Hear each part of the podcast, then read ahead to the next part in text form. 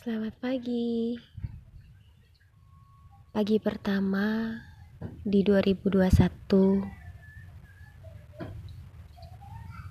Sambil moyan, sepertinya matahari masih malu-malu. Tapi udah cukup hangat sih di atas pegunungan yang dingin seperti di Cimenyan saat ini. Saya Adistia Skara. Saya adalah seorang perempuan, ibu rumah tangga yang pernah punya banyak trauma. Dan saya akan berbagi cerita yang mungkin buat banyak orang akan jadi sangat membosankan. Tapi semoga yang membutuhkan cerita-cerita dari saya bisa mendapatkan hikmah dan kekuatan. Karena saya sendiri pernah mencari kekuatan dari kisah orang lain. Nyatanya, hidup memang saling berkesinambungan satu dengan yang lainnya. Gak ada yang kebetulan di semesta. Pertemuan antara satu dan lainnya pasti memberi arti. Yang dibutuhkan hanyalah open-minded, terbukanya pikiran untuk menerima segala pelajaran yang hadir di dalam hidup kita. Berani untuk mengubah persepsi, mengubah sudut pandang, agar selalu bisa mendapatkan mindset positif. Di tengah kehidupan di mana generasi sekarang dikenal dengan generasi yang acuh di mana menunjukkan kasih sayang selalu dilabeli dengan kata lebay kelak generasi selanjutnya bisa kehilangan yang namanya simpati. Jadi, jangan malu buat tetap bisa menunjukkan kasih sayang. Dan harus sadar bahwa kita sendiri hidup karena adanya kasih sayang dari semesta. Pagi ini saat membuka mata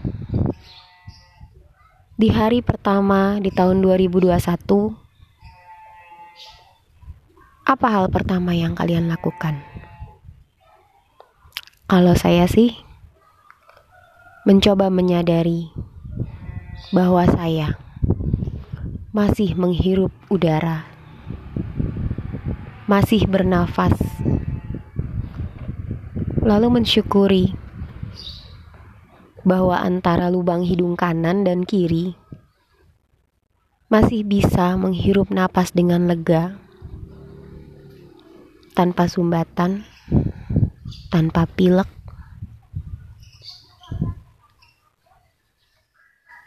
Mencoba berterima kasih atas kesehatan di pagi hari ini. Sambil duduk moyan di atas rooftop. Jangan bayangin rooftopnya seperti rooftop di apartemen-apartemen mewah ya. Sebenarnya ini sidak di atas tempat untuk jemur pakaian. Di atap. Tapi pemandangan di sini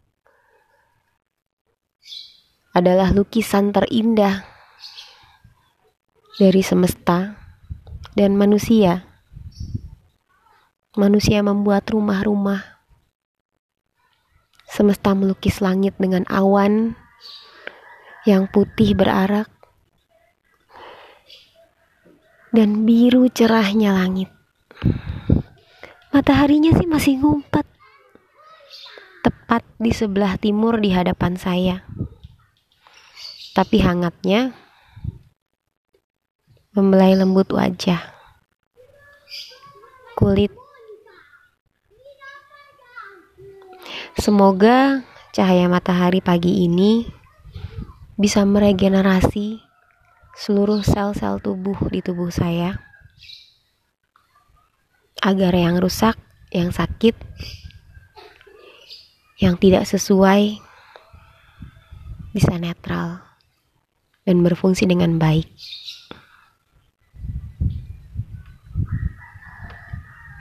tahun 2019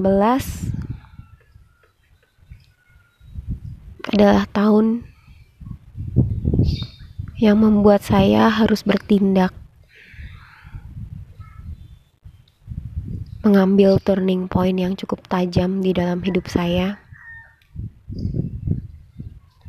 tahun kejatuhan tahun bangkit walaupun dengan cara merayap dan merangkak.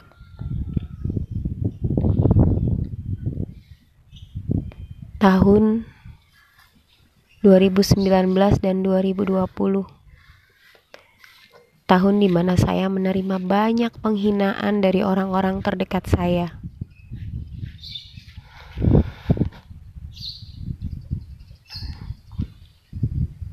Dan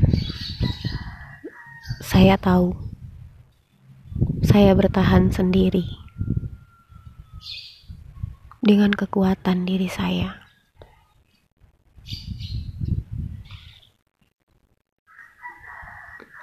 Tahun 2020 diawali dengan kelelahan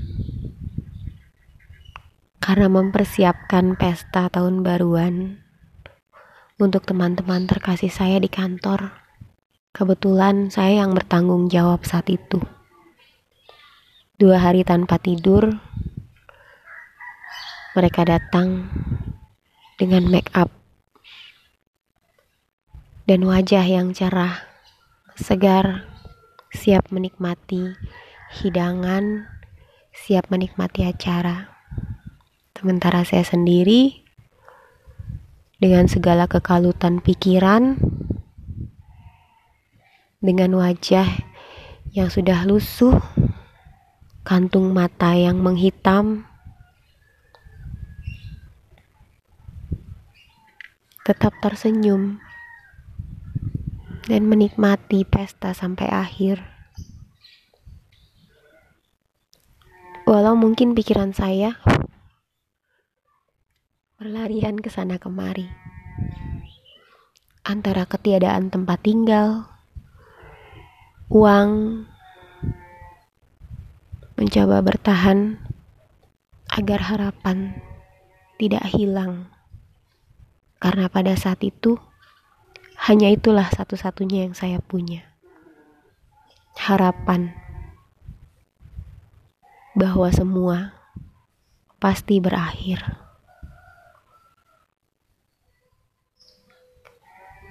Karena semua yang ada di dunia ini memiliki batas waktunya tersendiri.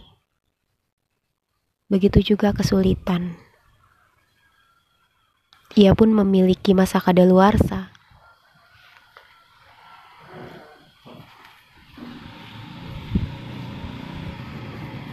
Kelak, kesulitan akan berganti dengan kesenangan. Begitu juga sebaliknya.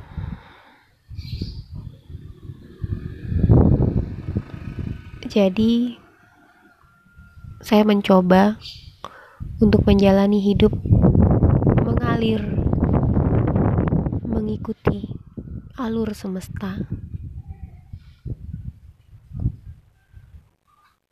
Di situlah titik terkuat muncul. Tidak merasa hancur di saat jatuh, dan tidak jumawa di saat berdiri tegak.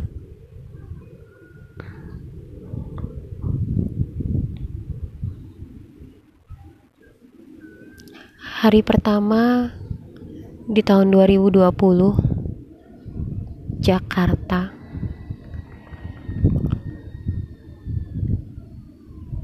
dihiasi dengan hujan deras yang akhirnya terjadilah bencana banjir yang lumayan cukup parah di beberapa titik tertentu.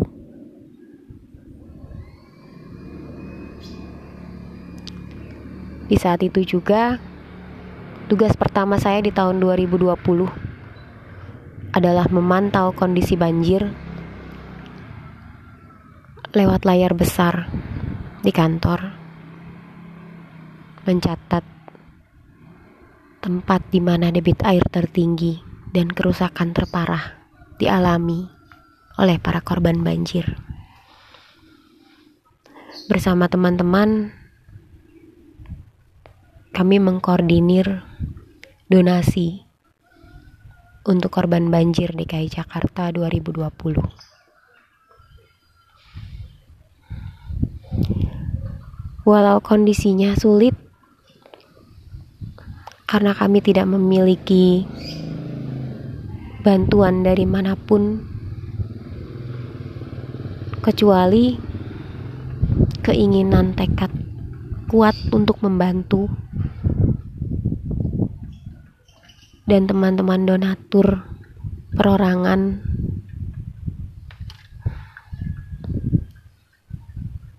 Kami bergerak Pelajaran buat saya kali itu adalah bahwa kita semua berguna untuk orang lain. Sekosong apa pun keadaan kita, kita tidak pernah benar-benar kosong. Pada saat kita tidak bisa memberikan materi, kita bisa memberikan tenaga di saat kita tidak bisa juga memberikan tenaga, kita bisa memberikan dukungan. Ketika gengsi membuat kita tidak mau mengakui dukungan yang kita berikan,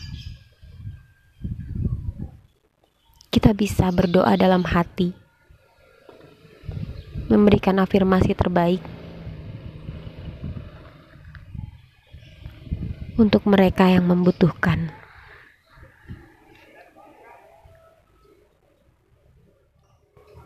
Kita sendirian, buat mayoritas orang yang terlahir tanpa kembaran, kita sendirian, tapi sejatinya kita tidak pernah sendiri.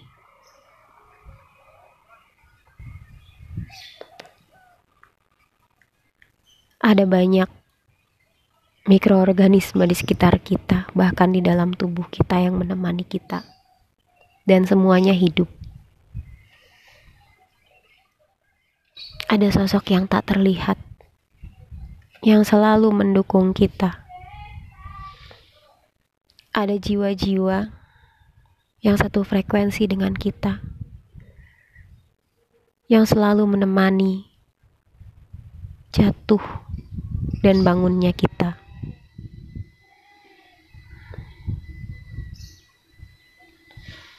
Gak lama berserang, pandemi COVID-19 sampai juga di Indonesia. Semua rencana, semua proposal yang sudah masuk, bahkan sudah diterima dan tinggal dijalankan, semuanya batal peluang untuk mendapatkan pundi-pundi rezeki seolah ditutup kembali. pintu-pintu kesempatan yang dari jauh sudah terlihat terbuka, pelan-pelan ditutup. Tapi saat saya mencoba menoleh ke arah lain, ada celah di mana saya melihat pintu lain terbuka.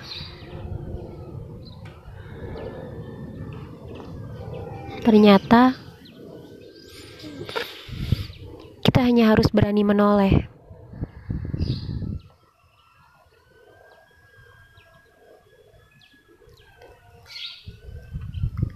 Tidak menangisi satu kejadian yang dirasakan tidak enak, tapi melepaskannya, menerima lalu membiarkannya mengalir.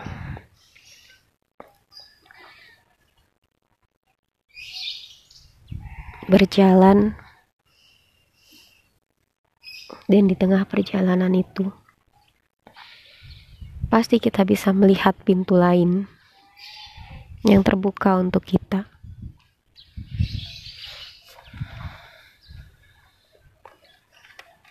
di tahun 2020 kemarin benar-benar tahun yang penuh pelajaran buat saya.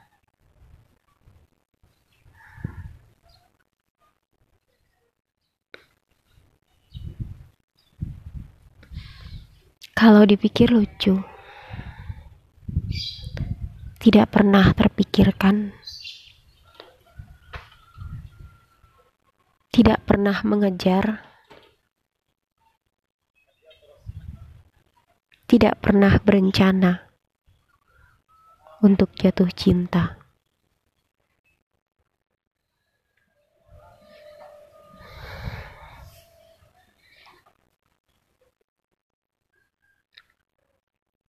Tapi saya dipertemukan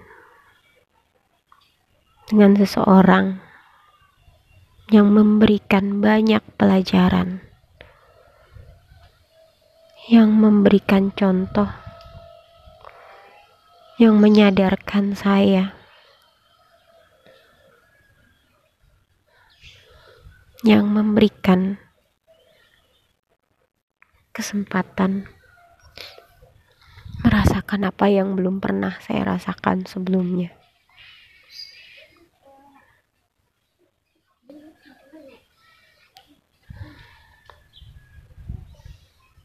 Yang membantu saya mengurai trauma.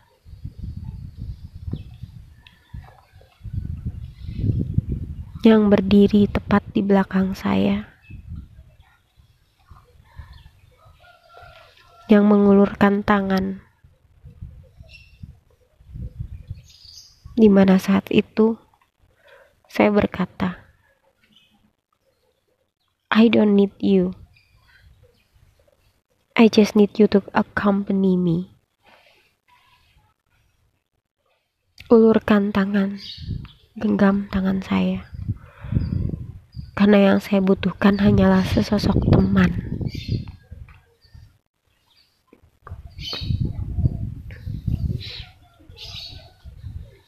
Karena saya berjanji untuk tidak menjadi beban bagi siapa pun. Walau saya tahu hal itu pun tidak bisa dihindari. mungkin kelihatannya terlalu memaksa. Mungkin seolah saya memaksakan kehendak saya pada orang lain. Tetapi ketika dia berbicara, menjalani dengan mengalir Entah kenapa saya mempercayainya. Membiarkan diri saya ikut mengalir bersamanya.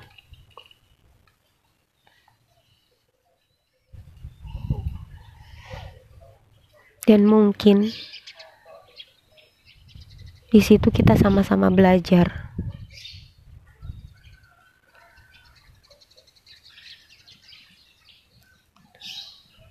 Mengalir berarti harus bertemu dengan arus deras.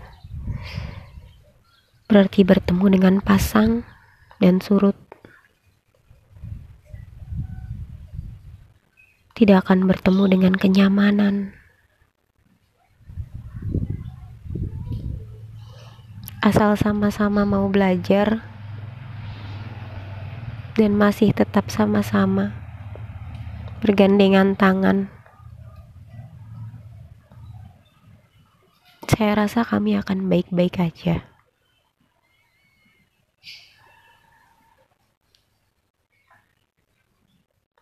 Saya sadar banyak yang harus diperbaiki dari diri saya.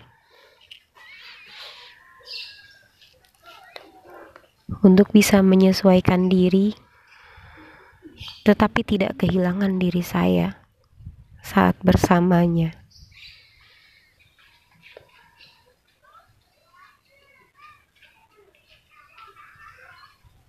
Saya sadar bahwa kebebasan yang saya miliki bukan berarti egosentris, sehingga tidak kebablasan memaknai arti kebebasan dan kemerdekaan itu sendiri.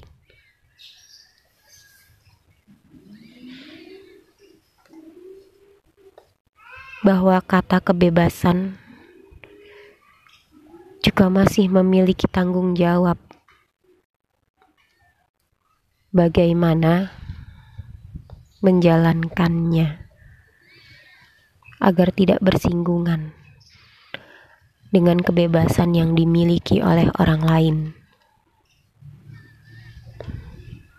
karena sejatinya setiap orang memiliki kebebasannya tersendiri. We have our own free will, but we can be selfish.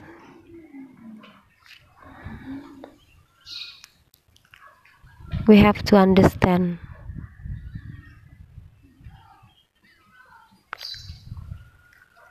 the difference between a selfish attitude and a freedom.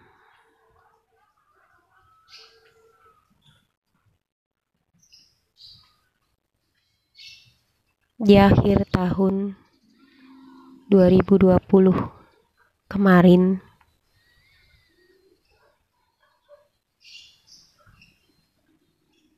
mungkin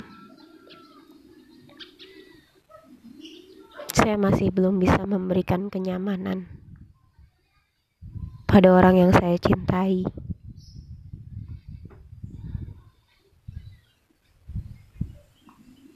Tapi mungkin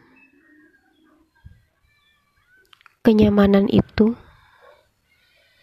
bukan karena pihak luar, tetapi diri sendiri.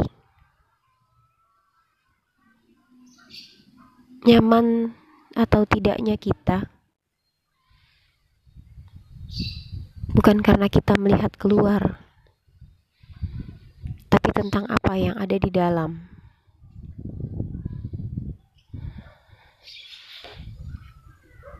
Tentang keberanian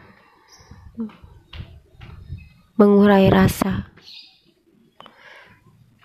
tentang keberanian melepaskan kemelekatan,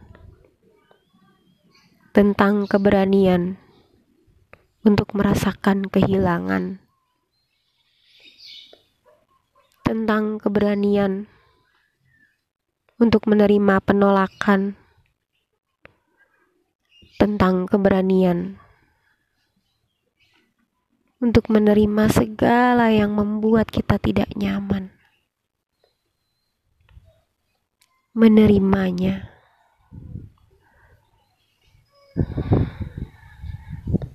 Menyadarinya, mengurainya, dan melepaskannya. sehingga akhirnya kenyamanan dan kedamaian menemani hari-hari kita.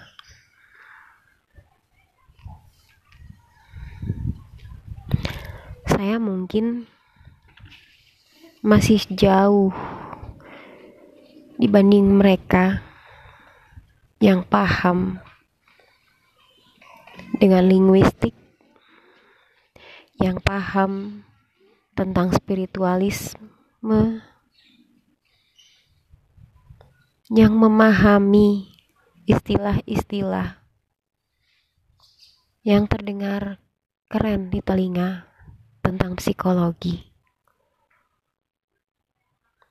Saya hanya berbicara tentang pengalaman yang saya jalani, tentang rasa yang saya alami, dan mencoba mendeskripsikan semuanya lewat kata-kata. Sekedar untuk berbagi, bukan untuk memamerkan diri, tapi setelah merasakan bahwa harapan yang saya miliki itu memiliki arti positif dalam diri saya. Ada panggilan di mana mereka yang saat ini pernah merasakan ketidaknyamanan yang saya rasakan sebelumnya juga harus memahami tentang hal ini.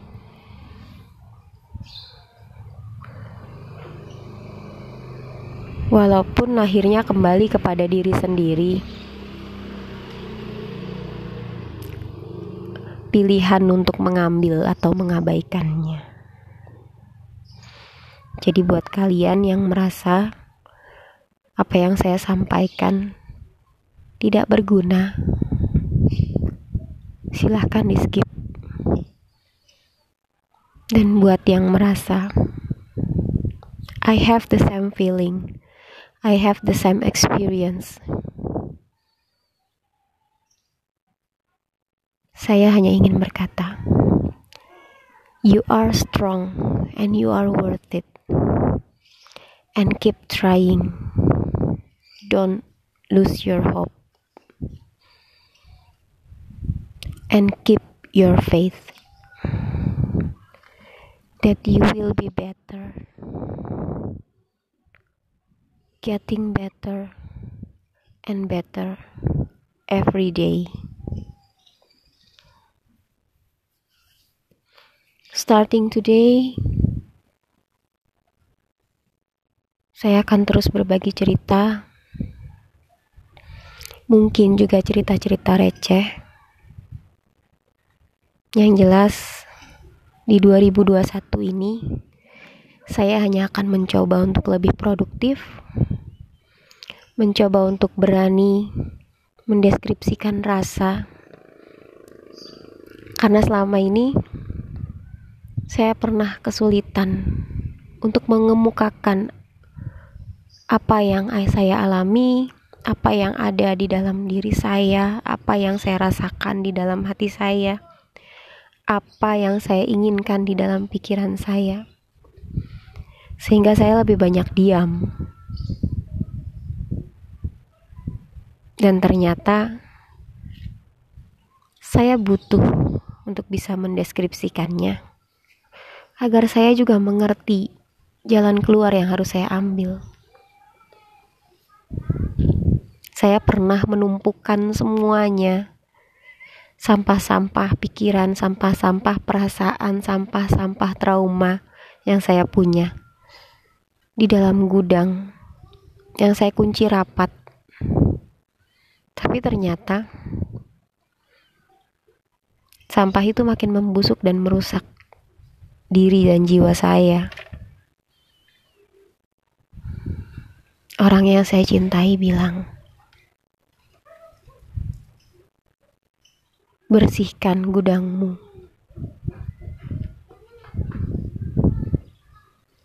Susun dan atur rapi kenanganmu. Masukkan ke dalam kotak yang indah dan catat setiap pelajaran yang kamu ambil. And moving on. Karena ternyata sampah-sampah itu tidak akan bisa hilang dengan sendirinya. Seperti kedebu-debu di gudang. Serapat apa pun kita tutup, tetap ada waktu di mana kita harus membersihkan barang yang ada di gudang dari debu agar kondisi gudang sendiri tidak pengap. Seperti itulah gudang pikiran dan rasa di dalam diri kita. C supaya tidak sumpek, supaya tidak rungsing sendiri, ya kita juga harus membersihkan gudang itu. Mohon maaf, saya merekam ini dari atas dak rumah, di mana ada suara burung, suara kresek-kresek anak saya yang bermain di sebelah saya, suara motor yang lewat, suara tetangga yang ngobrol suara anak-anak kecil yang bermain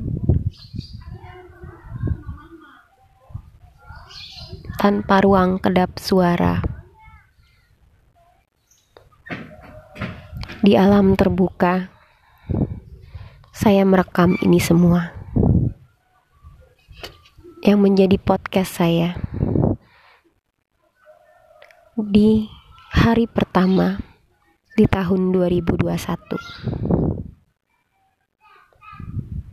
Resolusi saya tidak sedahsyat orang lain, tapi serealistis apa yang bisa saya lakukan. Karena resolusi bukan sekedar pajangan di timeline sosial media. Dia akan jadi berarti buat hidup kita saat dilaksanakan dan diaplikasikan ke dalam kehidupan kita sehari-hari. Buatlah resolusimu serealistis mungkin dan laksanakanlah. Semangat, sehat. Saya Adistia Askara Sampai jumpa di segmen berikutnya.